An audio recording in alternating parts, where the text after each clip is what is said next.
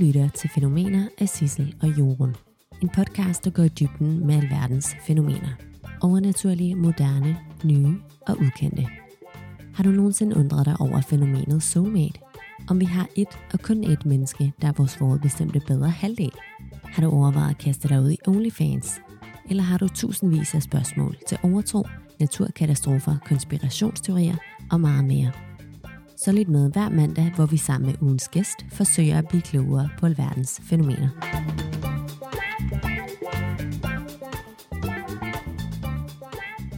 Velkommen til Fænomener. Mit navn er Jorun. Og mit navn er Sissel. I dag skal vi tale om monogami, som betyder samliv mellem to personer. Og i den forbindelse også det, der kan betegnes som modsætning, nemlig polyamori, som betyder flere samtidige kærlighedsforhold. Sissel, vil du fortælle lidt mere om, hvilket slags fænomen ugens emne er? Ja. Monogami, det er jo både et meget gammelt og kendt fænomen, fordi rigtig mange danskere i hvert fald ser monogami som det ideelle parforhold. Øhm, og på den front, der adskiller vi os faktisk fra dyreriget virkelig meget, fordi kun 3% af alle verdens dyrearter lever i faste parforhold. øhm, og monogami, det er et fænomen, der er dybt forankret i vores kultur. Det er for eksempel øh, reglen i kristendommen, men for eksempel er der også polygami, som betyder flerkoneri, øhm, og det er jo meget udbredt i islamiske lande. Ja. Øhm, I dagens anledning skal vi som sædvanligt igennem de her tre spørgsmål i relation til dagens fænomen. Uh. For det første, vil du betegne dig selv som monogam? Ja, yeah, det vil jeg vel. Okay, du trækker lidt. Du får lov til at uddybe senere. Ja. Kunne du finde på at springe ud i polyamori? Nej, det kunne jeg ikke. Nej. Tror du, at monogami er det mest naturlige, øh, den mest naturlige parforholdskonstellation, eller at det er nære kærlighed? Nære kærlighed. Øhm. Ja, ja, ja. Det, altså, skal jeg vælge en af delene, eller? Du kan da også komme med dit eget forslag, hvis der ikke er nogen af dem, der er...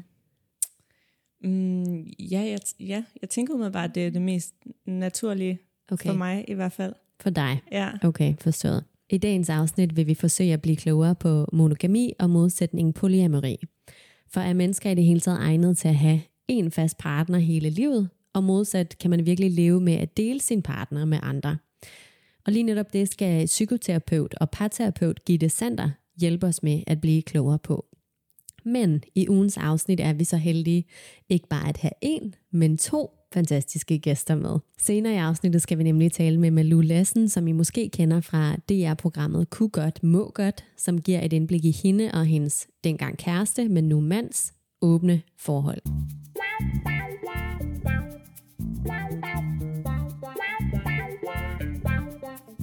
Hej Gitte. Tusind tak, fordi at du vil øh, deltage i ugens afsnit om øh, monogami. I dag så skal vi jo både tale om monogami, men også polyamori. Til at starte med vil vi høre, om du har lyst til at fortælle os, hvad de to betegnelser egentlig betyder og indebærer. Monogami betyder at vælge at være sammen med en person i mit perspektiv, og hvor polyamori, for mig der, der er det mere sådan begrebet, at, at man kan, øh, hvad hedder det, amore, altså at man kan elske, man kan være tiltrukket mm. af, af mange personer. Ikke? Vil du sige, at polyamori er utroskab? Nej, nej, det er slet ikke, altså det er ikke, ikke sådan per definition. Mm. Fordi man kan jo godt øh, leve polyamorøst, mm. uden at være utro. Altså fordi det kan være det, der står i kontrakten, den kontrakt, man ligesom har som partner, at man gerne må være sammen med andre. Ja. Mm. Så det er ikke i sig selv, men man kan sagtens, og jeg har også haft, jeg har haft par, som der øh, levede polyamorøst og var utro.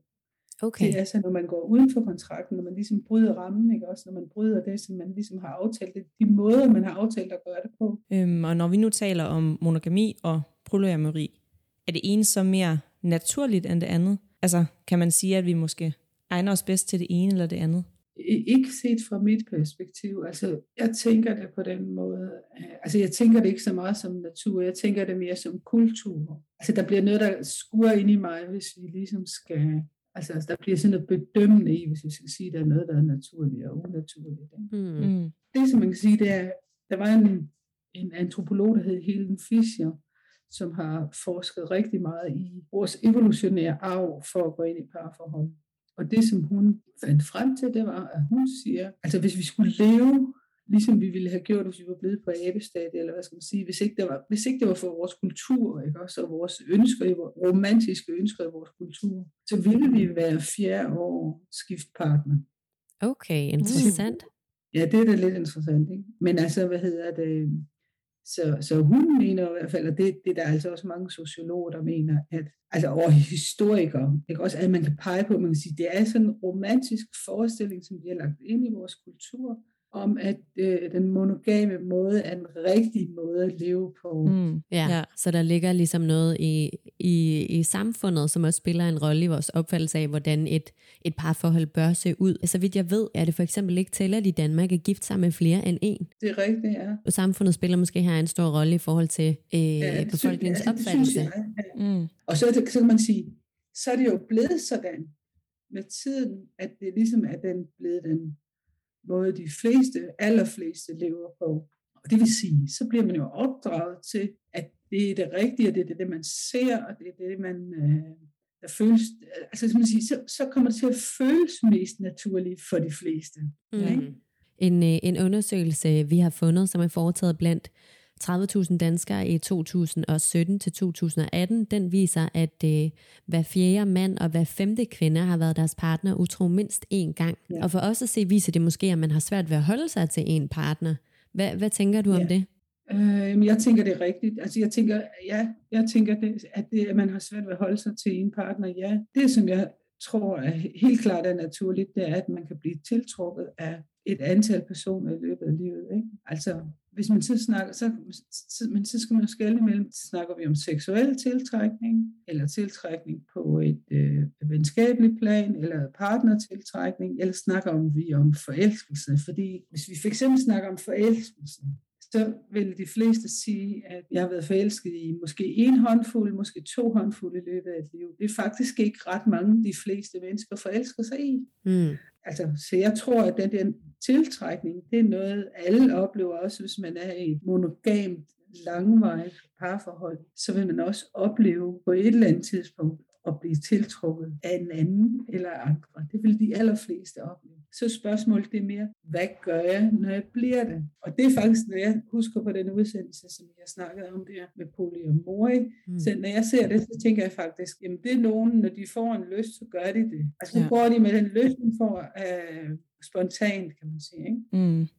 Ja, og lige nøjagtigt i forhold til det, det er tre program her, det fik en del kritik for, at altså polyamorøse forhold, når der ikke er en ligevægt i forhold til, hvor, hvor meget de to partnere dater, så kan man sige, at man mm. sikrer en, et mere ligevægtigt forhold ved at leve monogamt. Altså det kan jeg på en måde godt tilslutte mig at sige. Det er nok fordi, jeg også rigtig ofte oplever, det gælder sådan set alle sådan seksuelt eksperimenterende måder, at det rigtig tit i parforhold er sådan, så den ene vil det mere end den anden. Mm. Så den ene bliver trukket lidt ind i det af den anden. Ikke også? Så kan man sige, altså det er jo så forskelligt, hvor meget man bliver trukket i, men, øh, men den der ligeværdighed, altså sådan præcis ligeværdighed, den ses næsten aldrig, af min erfaring.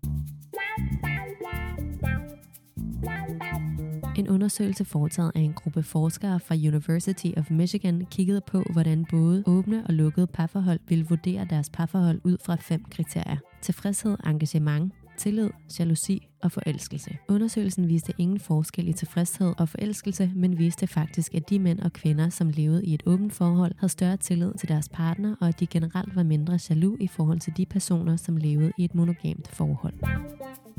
Slipper man, øh, slipper man for jalousi bare af at leve monogamt, eller er din erfaring, at der også er noget jalousi i polyamorøse forhold? Min erfaring er faktisk, at det, altså det igen, så kommer det an på, der kan godt være jalousi på polyamorøse forhold, men det er især også, hvis man går uden for kontrakten. Og man, altså jalousi forholder sig tit meget til ens selvværd, altså hvor stort ens, hvor godt ens selvværd er, og hvor godt parforholdet har det. Så det er egentlig ikke så meget med, hvordan man lever, altså om man så lever på den ene eller anden måde. Det er mere noget at gøre med, hvis man føler sig usikker derhjemme, eller hvis man føler sig usikker som person. Hvis der har været noget utroskab, hvis der har været noget, hvor jeg ikke kunne stole på dig, så kan jeg blive mere jaloux på dem, fordi så tror jeg ikke rigtigt, jeg ved, hvad, det er, hvad du kan finde på. Altså ja. så, så, så er jeg mere usikker på, hvad du kunne finde på. Og man, og man kan jo slet ikke sige, at man slipper for jalousi, bare fordi man er et monogamt forhold. Altså, hvad skal man sige, der skal noget ind til for at slippe for mm. jalousi. Og efter din sådan, erfaring, og hvad er det, der yderligere kan påvirke et forhold, øhm, når man lever polyamorøst? Jeg vil jo faktisk sige det på den måde, at hvis man lever polyamorøst, så er der endnu mere, der kan påvirke forhold, fordi så er der flere personer involveret. Ikke? Mm. Ja. ja. Altså der kan være det her tillidsspørgsmål, ikke også? Altså hvis man ikke er helt sikker på, at man er den første prioriteret, og man ikke er helt sikker på, at man er den mest fortrolige, altså så synes jeg, at det der tillidsspørgsmål, det bliver lidt mere skrøbeligt. Og når jeg siger det, så kommer jeg også til at tænke på, at jeg havde engang et par, der havde været sammen i 17 år og levet polyamorøst, og jeg fatter ikke, hvordan de gjorde det. Men det gjorde de og de manglede ikke, ja, altså indtil en af dem så var utro, kan man sige, så manglede de mm. ikke tillid til hinanden. Man udfordrer tilliden, man udfordrer også det der valg, ja. man udfordrer også noget med nogle grænser, ikke også? Altså, at, altså, at man skal fandme være, altså, ej, vi må ikke bande den det må man gerne, det må man gerne. Altså, man skal virkelig være skarp på sine grænser. Hvis man, nu, det, man kan jo godt være interesseret i at leve polyamorøst, og det vil jeg gerne prøve sådan men vi skal virkelig være mm. kvik sine grænser, og i at sætte dem hen ad vejen. Og man skal også være modig til den dag, hvor man at sige, nu vil jeg ikke leve sådan her længere, for eksempel. Ja. Altså. ja, fordi i relation til det, nu nævner du et par, der har, der har levet længe øh, polyamorøst. Kan et parforhold ja. i den lange bane bære, at man deler sin, sin partner? Jamen det er der jo, det er der nogle parforhold, der kan. Men dem, som der kan, som jeg har set, de har altså haft sådan kæmpe, altså de har virkelig haft, de har bare vidst, at de var første prioritet, de har bare vidst, at, altså at det var den første fortrolige, de har bare vidst, at hvis de satte en grænse et sted, så blev den overholdt. Ikke? Så ja, men jeg må også med skam melde, at jeg har set flere, hvor det ikke lykkes, altså hvor det går helt resten galt, og, og par, der bliver skilt på grund af det osv. videre. Men jeg skal bare ikke sidde her og sige, at, at det ikke kan, kan lade sig gøre, fordi det, øh, det kan det jo. Man skal, det, man skal passe meget nøjagtigt ind i den der ting, man har kørende med at afprøve grænser på den måde, tænker jeg. Men hvordan ved man, om polyamori er noget for en selv? Altså nu siger du, at de fleste har sikkert oplevet at blive tiltrukket af nogle, af, nogle andre. Men hvad ja. tror du, der gør, at man ved, at det, om det er noget, man, man skal prøve noget, der vil kunne fungere? Det tror jeg bare, man ved, ligesom man ved, om altså, kan du lide leverpostej, eller vil du have leverpostej, eller vil du have sparekøbsteg? Altså, børn om det godt, så, så vil man vide, om jeg har mest lyst til leverpostej. Altså, men det er, jo, det er jo et svar, som man kun kan finde ind i sig selv. Helt sikkert. Jamen, så tror jeg bare, vi vil sige tak til dig, Gitte, for at du vil være med. Men inden vi, øh, vi slutter, så vil vi lige spørge dig om en sidste ting. Og det er, om ja. du, du ligesom har, hvis du skulle give et råd til en potentiel lytter, der måske overvejer at springe ud i polyamori, hvad, hvad skulle det så være? Tænk dig rigtig godt om. Jeg tænker over konsekvenserne. Tænk over forskellen på lyst og følelse, og så på hvilke negative konsekvenser, der kan være i det på sigt. Hvis man er meget impulsstyret, det er det, der også kan gå galt. Ikke? Hvis man er meget impulsstyret, kaster sig ud i, nu vil jeg prøve at leve på den her måde, kan det så koste mig hele min familie, mm. og hvordan vil det i virkeligheden være, hvis det, hvis det koster mig kontakten til mine børn, eller kontakten til min nuværende partner, eller sådan noget andet. Ikke? Ja. Det, altså, der synes jeg, der er nogle konsekvenser der, som der kan være alvorlige. Der findes mange myter om monogami. Blandt dem er, at monogami er det mest naturlige. Selvom det for nogle mennesker føles naturligt at holde sig til en partner et helt liv, er det ikke det naturlige for mennesket som helhed i biologisk forstand. Forkærligheden for monogami er kulturskabt. Monogami er ekstremt sjælden blandt pattedyr, og vi mennesker er heller ikke biologisk disponeret til at holde os til sex med en partner. I dagens afsnit der er vi så heldige at have endnu en gæst med, og det er nemlig Malu Lassen, som har deltaget i DR-programmet Ku godt, må godt. Og det handler om Malu og hendes mand, som lever i et åbent forhold. Hej med dig, Malu. Hej. Tusind tak, fordi du vil være med her i ugens afsnit om monogami. Vi er jo virkelig interesseret i din historie, fordi den garanteret er meget anderledes end mange andre, og det er ikke rigtig noget, vi har hørt om før. Du og din mand, de lever jo i et polyamorøst forhold. Kunne du tænke dig at fortælle lidt om, sådan, hvordan du fandt ud af, at øh, du kunne tænke dig at leve polyamorøst? Ja, jamen det var også noget i forbindelse med serien, havde øh, mange refleksioner om, for det var noget, vi blev spurgt om mange gange, men jeg kan ikke huske, hvornår jeg første gang stødte på det, øh, men jeg kan huske, at jeg allerede på efterskolen, mm. det vil sige, det er cirka 10 år siden eller sådan noget, ja.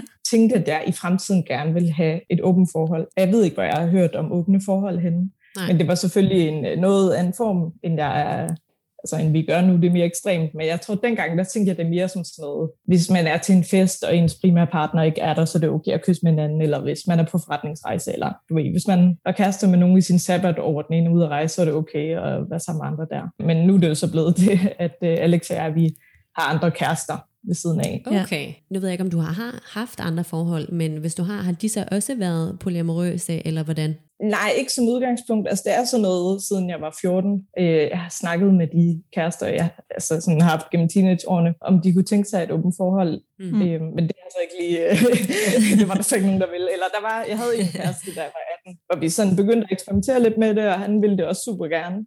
Okay. Men vi endte med at gå fra hinanden, fordi han flyttede til København, og han ville gerne have børn, okay. og han var lige år ældre og sådan noget. Aha. Og jeg var et år, var ikke lige sådan, jeg skal ikke have børn nu, og jeg vil gerne blive Aarhus. Så det gik ligesom fra hinanden af nogle andre årsager. Og så var der på et tidspunkt, jeg så en, det var en, jeg mødte på Roskilde, som var i et åbent forhold, og jeg så ham lidt i en periode. Og det var ligesom mit første møde med nogen, der faktisk levede i det. Okay. Og så var jeg ligesom sådan den anden kvinde-agtig. No. Men vi så ikke særlig meget. Men vi havde nogle gode snakker om det, og det var interessant at høre, hvordan de så konkret gjorde det. Fordi det også var noget, jeg gerne selv ville.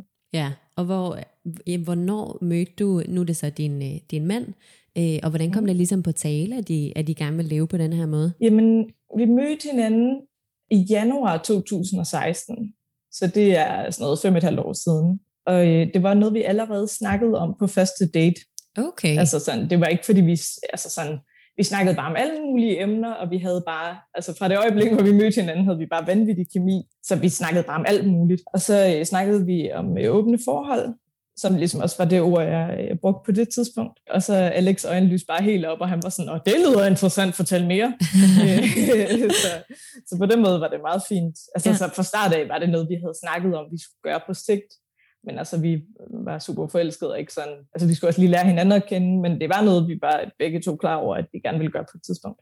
Okay. Havde han så prøvet det før, eller havde han kun levet monogamt, før han mødte dig? Ja yeah, nej. Altså sådan, Alex' øh, historie med kvinder er meget omfattende, fordi han har altid øh, set en masse kvinder, men aldrig, eller sådan, han har haft kærester, men da jeg mødte ham, der tror jeg, at han har haft fire år eller sådan noget, hvor han havde selvfølgelig set nogle længere tid end andre, men bare generelt set helt vildt mange kvinder. Øh, og så ikke haft sådan en kæreste kæreste. Så man kan sige, på nogle punkter levede han jo en livsstil, der passede meget godt ind i det. Altså det var sådan, øh, Alex har været militæret, og den militærstue, øh, han var på, der øh, havde de altid snakket om, at de, at de 11 mænd, der var der, der ville Alex nok være den sidste, der ville blive gift, og så kunne de slet ikke se for sig. Han endte med at blive den første i ja, slæng, der, okay. der blev gift. Sjovt. Og så fortalte han jo dem for start sådan, det er fordi, at øh, vi har det her polyamorøse forhold, eller åbent forhold, og ja, vi kan bare se andre. Og så var de der fyre sådan, nå, ja, jamen, det giver meget bedre mening nu, så nu forstår vi. Mm. ja. ja. Kan du fortælle lidt om, hvad formålet med polyamori for jer, eller for dig, er? Jamen, det har ændret sig lidt igennem tiden. For jeg tror, i starten var det lige så meget også bare for at eksperimentere med det. Og sådan, fordi det var super sjovt, og det var en, det affødte en masse gode snakke mellem os. Og vi elsker, altså vi er begge to meget udadvendte og elsker at flytte og sådan noget. Så det, er sådan, mm. det gav meget god mening, og det var sådan en sjov verden at kigge ind i. Med tiden har jeg fundet ud af, at det jeg nok egentlig gerne vil have fra det, er det her med at opbygge flere mennesker, man har den her familiefølelse med, ligesom man kan have med en, en partner, man har sammen lang tid, og så kan man næsten have den der, sådan at man er lige så meget i familie, som man er med sin biologiske familie. Jeg har ikke så tæt kontakt til min familie, så det her med, altså der er ligesom plads til, at at hive en ekstra person ind. Jeg ved ikke, om det giver mening, men sådan... Så det er lidt med øh, de her øh, dybe forhold, eller sådan, at du kommer tæt på et ja. andet menneske? Ja, og ja. sådan, jeg har lige så meget Alex, som jeg har min anden partner, at øh, falde i søvn grædende til, hvis der sker noget. Eller sådan den, den måde, man godt kan blive trøstet af en kæreste, den har jeg så ligesom to. Ja. Eller sådan, jeg tror, det er lidt det, folk de føler med deres forældre, at de tit kan ringe til dem, uanset hvad der sker. Nu ved jeg ikke, om, om tilfældet er det samme, men i hvert fald, da programmet øh, kørte, så var jeres type af poly- polyamori ligesom det her med, at man er i et fast forhold, men man giver hinanden plads til at have andre forhold. Og en anden type kan jo for eksempel være, når flere vælger at indgå i et fælles parforhold. Altså, hvordan kan det være, at I vælger lige præcis den her sådan, parforholdskonstellation?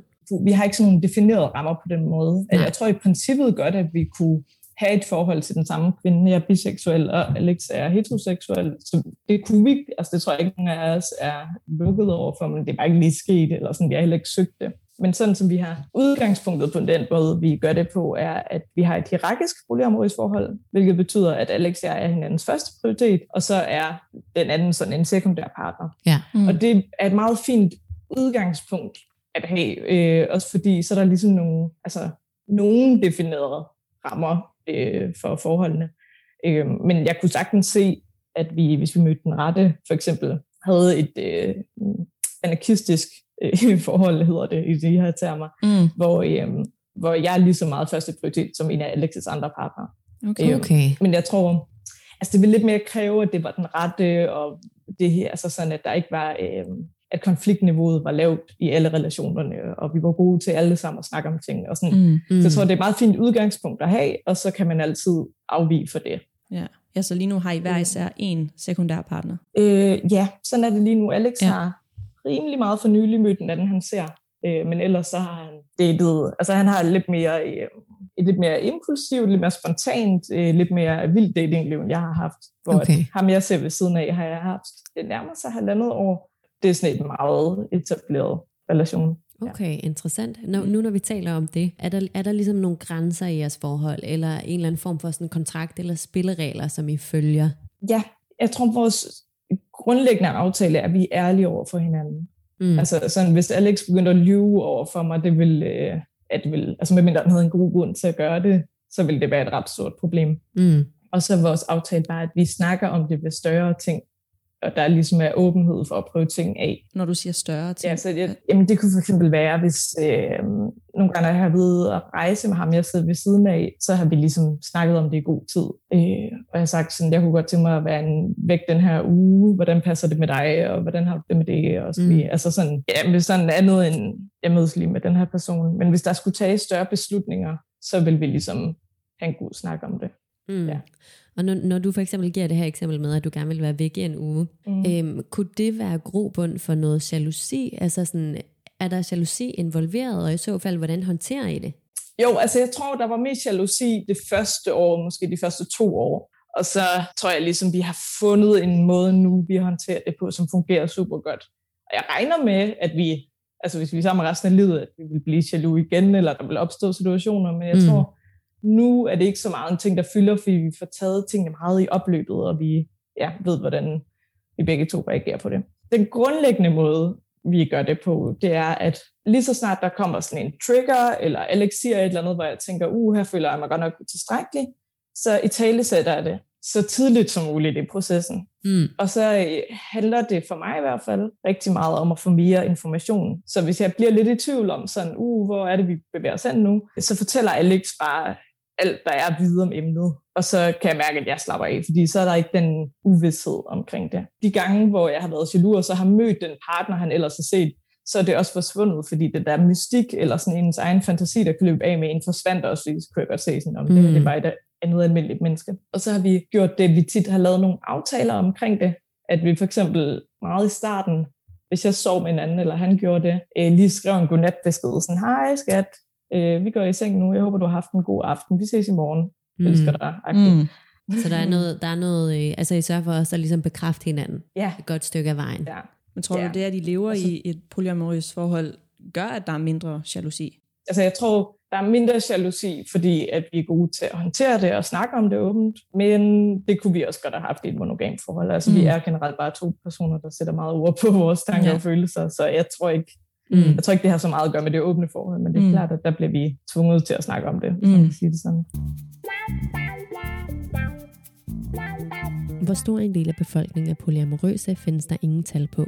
Undersøgelser i USA fastslår, at 5% af den amerikanske befolkning er polyamorøse. Tallene kan dog ikke overføres til Danmark, men i dag er der for eksempel en Facebook-gruppe for polyamorøse, som har over 1000 medlemmer. Og i 2017 blev der stiftet en dansk forening for polyamorøse, som hedder Polyamori Danmark. Gruppen har til formål at øge fokus på netop den livsstil.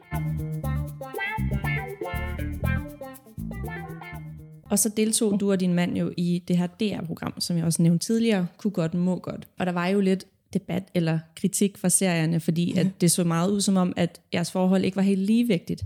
Øhm, fordi den ene så med flere end den anden, og sidenhen der er I jo blevet gift. Så øh, hvordan har jeres forhold i dag og efter tv-programmet? Ja, altså det, det her med, at der var ulighed i vores forhold, hvor program, altså det program var, der er mange ting at sige til det, men det var lidt mærkeligt klippet, og det var lidt mærkeligt narrativ, fordi okay. at selvfølgelig var der masser af ulighed i vores forhold, men det var ikke ting, der var knyttet så meget op til, øhm, til lige hvor mange vi så, fordi at det primært var Alex, der i går så en benyttede sig af, at han kunne se andre, øh, og var noget mere opsøgende. Øh, men der var klart, altså det tror jeg, de fleste oplever, også bare hvis de singler og går på Tinder, at generelt så har kvinder noget mere mulighed for at sidde og vælge mellem en masse dejler og en anden. Jeg ved godt, det er lidt stereotyp, men jeg tror, det passer meget godt med de flestes oplevelser. Sådan var det jo selvfølgelig også. Øh, da vi åbnede forholdet, eller vi begyndte at praktisere polyamori. Mm. Så på den måde var der ulighed, men generelt så var den ulighed i forholdet mest på sådan øh, vores succesoplevelser, eller vores fremtidsmuligheder, eller vores netværk.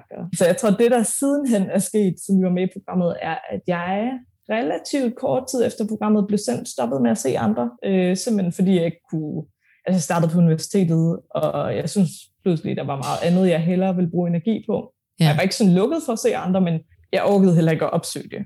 Øh, mm. Så det var, i løbet af de to år var jeg også på nogle dates, men det blev aldrig til mere. Jeg kunne godt mærke, at jeg ikke lige kunne investere mig i det. Hvorimod Alex, han så masser af mennesker, øhm, øh, og havde flere længerevarende relationer og sådan noget. Og så her for halvandet års tid siden mødte jeg så ham, jeg ser ved siden af nu. Og så har Alex øh, ja, også for nylig mødt en ny, men har ellers bare generelt haft mange relationer. Og så på mange punkter er det ikke så anderledes, end da vi var med i programmet, andet end at vores andre omstændigheder har ændret sig lidt. Afhængig af, hvordan man ser på det, så er der, øh, der findes polyamorøse, som kritiserer det her med, at parforholdet eller ægteskabet ligesom skulle være den eneste legitime øh, samlivsform. Mm. Hvordan kan det være, at de i det hele taget er blevet gift? Jamen det var af mange forskellige årsager, men jeg tror, den primære årsag var, at vi begge to tænkte, at det var noget, vi gerne ville sammen. Altså, jeg synes bare, det var helt vildt smukt, det der med at, at holde en kærlighedsfest for øh, alle vores venner og familie. Og så havde det selvfølgelig også, altså jeg tror måske, vi begge to har det sådan lidt, hvis det ikke går, så må vi jo bare blive skilt med dem i det.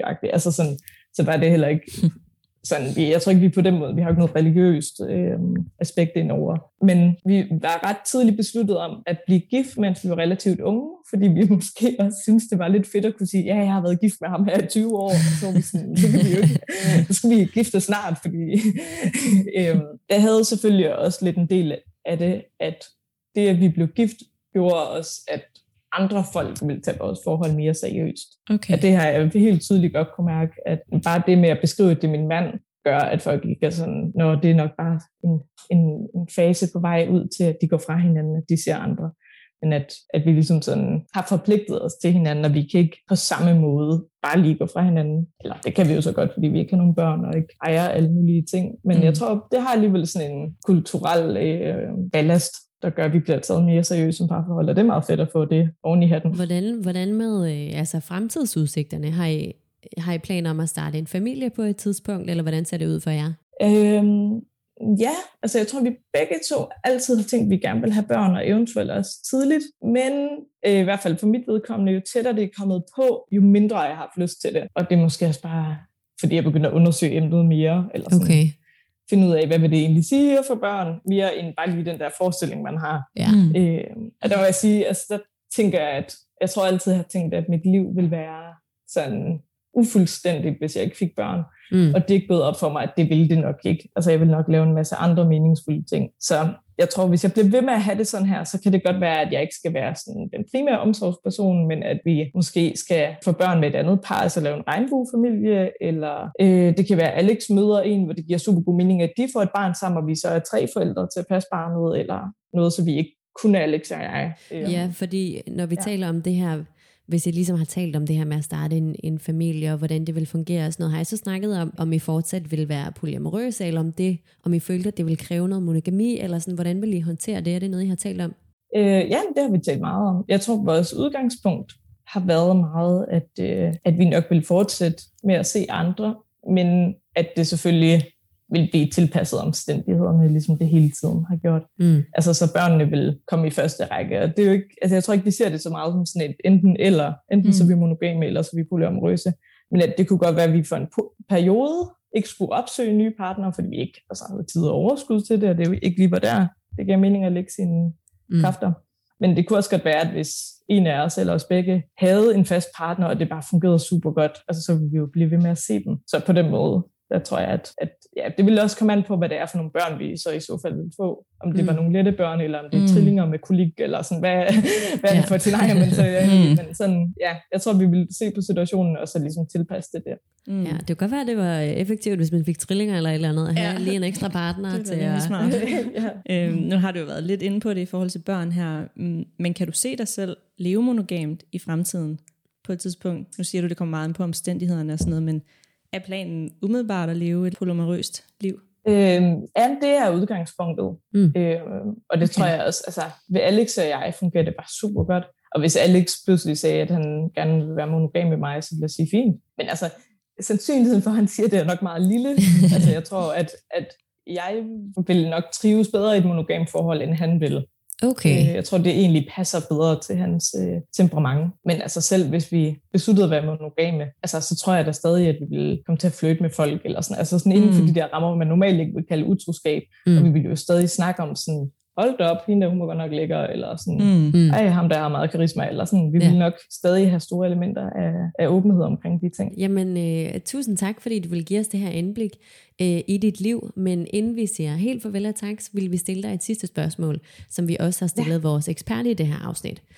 Og det er til de, der måske overvejer at kaste sig ud i polyamori, men som hidtil måske kun har erfaringer med monogami. Mm. Hvordan springer man ligesom ud i det her? Altså har du et godt råd, du vil give? Jamen, hvis jeg bare skal give et godt råd, så vil jeg sige det her med at gå meget langsomt frem, mm. og så revurdere skridtene. Øhm, uha. Jamen, det var bare lige min kanin, der har været oppe i et papslot. Nå. Så jeg hoppede lidt for langt på vej ud.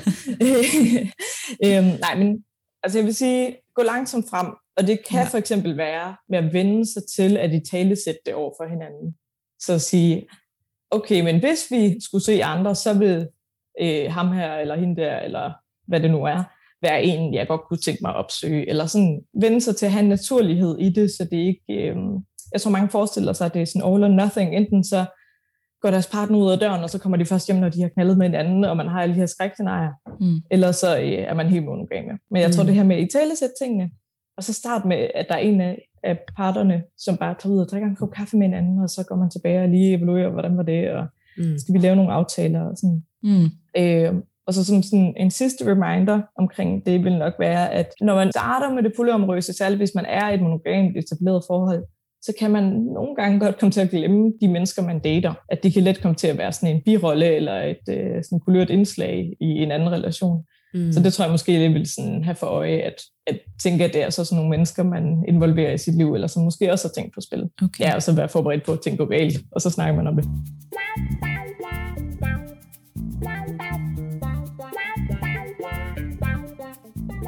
Det var øh, ugens afsnit af Fænomener. Hvad tænker du, Sissel? Er vi øh, blevet klogere på, på noget? Ja, helt sikkert. Det, det synes jeg godt nok. Hun var virkelig god til at fortælle, og det var mega spændende. Ja, det, det er i hvert fald øh, det er jo meget anderledes. Altså, Eller det føler vi jo, fordi nu sidder vi her begge to som monogame, så det er jo ikke anderledes for nogen. Men Nej, det er det. For os er det jo en anden verden, ikke? Men jeg synes, det var ret inspirerende på en måde, altså den åbenhed, hun snakkede om. Ja. Altså, det, er jo, det, er jo, det er jo klart, man skal jo virkelig være åbne mennesker for at kunne det der. Men det tror jeg da helt klart, at alle, også i monogame forhold, kan, altså, kan tage mm. med sig. Ja, altså det der råd med, at man skal gå langsomt frem, fordi det vil virkelig være min, altså det vil være min største frygt. Altså, ja, ja, fuldstændig. At springe ud i sådan noget der, så det er jo virkelig, jeg tænker jo, det er det samme for alle, at man er nødt til at gå langsomt frem, fordi mm. det kan være grænseoverskridende. Ja, ja, også bare for at vide, om det overhovedet er noget for en. Mm. Så ikke lige springe ud i det helt vilde til at starte med. Præcis. Hvis det skal være. Men øh, lad os lige vende tilbage til de her tre spørgsmål, som jeg også stillede dig i starten, for at se, om der må være noget, der har ændret sig, øh. eller om du øh, er stadig og fastholder dit øh, snæversynede perspektiv. Oh, okay. øhm, Siger du. vil du betegne dig selv som monogam? Ja. Yeah.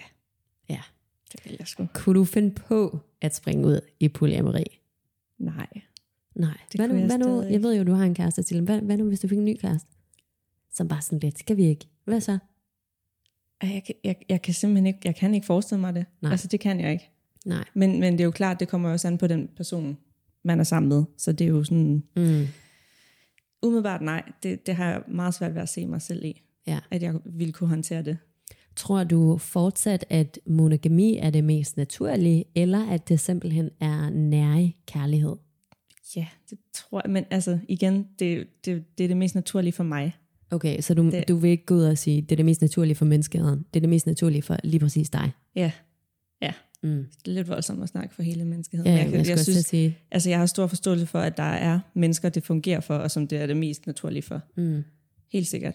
ja, det er også lidt billigt slået. Ja, Det er naturlige for mig. det holder vi det ved. Dette var ugens afsnit af Fænomener. Programmet var tilrettelagt og redigeret af Jorun Ellingsgaard og mig selv, Sissel Elkær Nielsen. Hvis du kunne lide ugens afsnit, så husk at abonnere på Fænomener på din foretrukne streamingtjeneste. Så sikrer du, at du ikke går glip af næste afsnit. Du kan også finde os på Instagram under Fænomener Podcast, hvor du kommer med bag om kulissen. Vi lyttes ved.